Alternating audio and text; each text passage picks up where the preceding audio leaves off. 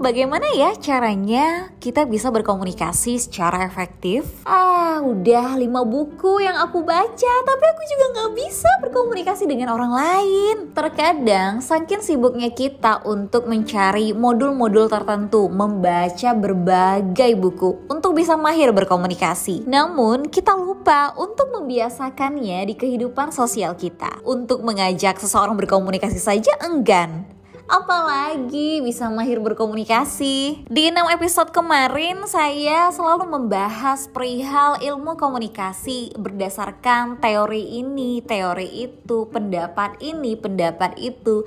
Nah, kali ini saya akan bahas tentang strategi komunikasi melalui pengalaman saya di bidang industri handling complaint hospitality di property management selama 2 tahun lebih ini. Terampil dalam berkomunikasi, dapat luwes dalam mengemukakan pendapat, menangani orang marah itu tidak bisa didapat dalam satu seminggu atau sebulan dengan hanya membaca berbagai buku. Tentu harus didukung juga dengan pengalaman yang gak main-main loh. Untuk mendapatkan pengalaman yang gak main-main ini perlulah dilatih untuk seringlah terbuka melakukan proses komunikasi. Jadi kita bisa paham nih beberapa karakter orang itu berbeda-beda dan unik. Nah di episode kali ini aku akan kasih kalian empat rumus sederhana untuk membantu kalian di dalam kegiatan sehari-hari. Apalagi nih yang bekerja di industri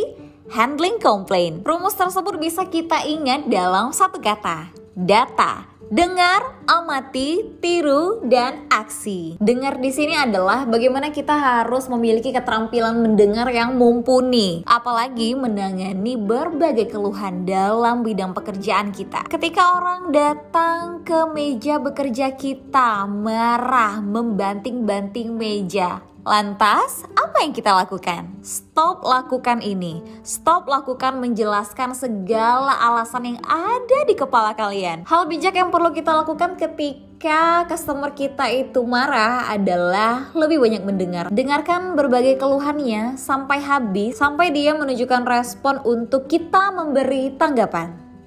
Jadi kita harus biarkan itu cooling down dulu sampai dia marah mengeluarkan segalanya kita mendengarkan. Setelah mendengar kita balik lagi ke rumus data tadi, dengar, amati. Amati di sini adalah kita harus bisa melatih nih kepekaan kita, rasa empati kita. Kita harus asah keterampilan kita dalam mengamati kira-kira apa sih yang customer kita ini mau. Tentunya kita bukan cenayang ya. Jadi kemampuan mengamati keinginan orang lain ini harus dilatih terus menerus. Didukung juga oleh pengalaman kalian. Semakin banyaknya mendengar dan melakukan proses komunikasi kepada orang lain, tentu nanti pasti bisa mahir dalam hal ini. Setelah kalian dengar apa pun yang ingin disampaikan customer kalian, lalu kalian amati sebenarnya apa sih yang yang dia mau. Nah, selanjutnya apa?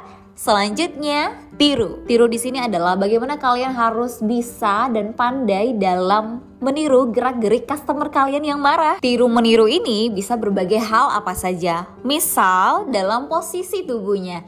Jika dia marah dengan posisi tubuh yang sedang berdiri, kalian juga wajib berdiri loh. Nah, hal-hal seperti ini juga ada nih di dalam ilmu komunikasi. Atau kalian bisa cari nih di Google Cendekia untuk berbagai jurnal yang memuat hal ini. Bagaimana sih pengaruh kesamaan dan kedekatan dalam berhasilnya proses komunikasi? Jadi misalkan salah satu customer kalian marah, setelah kalian amati, kalian tiru juga. Misal nih wajahnya itu sedih, Coba deh tiru ekspresi sedihnya, tumbuhkan dan rasakan empati kalian. Misal nih, dia marah, dia bilang, kalian tidak profesional, saya rugi.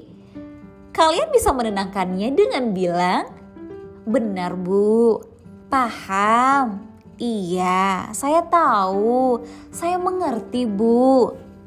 Begitu ya. Nah, ketika individu yang marah ini setelah menyalurkan segala energi marahnya dan mendapat respon yang baik dari kalian, dengan pendengaran yang baik, mengamati, memperhatikan lawan bicara, dan juga mendapat perlakuan yang baik secara tidak langsung, kalian bisa menurunkan tingkat konfrontasi nih antara kalian dengan customer kalian. Kesamaan ini juga bisa didapat dengan menyamakan posisi saat berbicara. Ketika dia marah sambil berdiri, kalian pun harus berdiri juga. Ketika dia duduk, kalian juga harus duduk. Adapun ketika suaranya melemah, kalian juga harus melemah. Bagaimana kalau suaranya meninggi? Nah, untuk kasus ini, kunci yang paling sukses adalah dengan diam. Setelah kalian dengar, amati, tiru. Nah, ini langkah yang paling terakhir, yang paling penting. Setelah individu atau calon customer kalian ini sudah didengar, kalian sudah mengamati dan kalian sudah melakukan trik-trik kecil meniru posisi, intonasi dan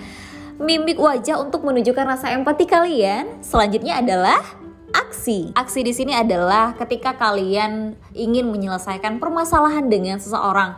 Tidak hanya kalian dengar, amati, dan melakukan berbagai trik kecil itu. Aksi ini sangat penting karena banyak orang pintar di luar sana yang akan menganggap kalian bullshit dan hanya iya-iya aja nih orangnya. Nah, untuk itu dalam kasus di dunia profesional ketika ada yang komplain, kalian juga harus menunjukkan bukti konkretnya apa nih setelah dia komplain. Nah, hal ini bisa didukung dengan instrumen lainnya seperti menyediakan form keluhan atau tanda buktilah atau dokumentasi yang menunjukkan bahwa ia marah dan kesalkan hari ini dilayani dan ditangani dengan baik. Ada hasilnya. Jadi begitu ya. Balik lagi nih ke prinsip komunikasi yang ke-12. Komunikasi adalah bukan obat mujarab atau panacea untuk segala permasalahan. Tentu harus ada langkah solusi untuk mencapai efektivitas dalam komunikasi. Selamat bertugas ya.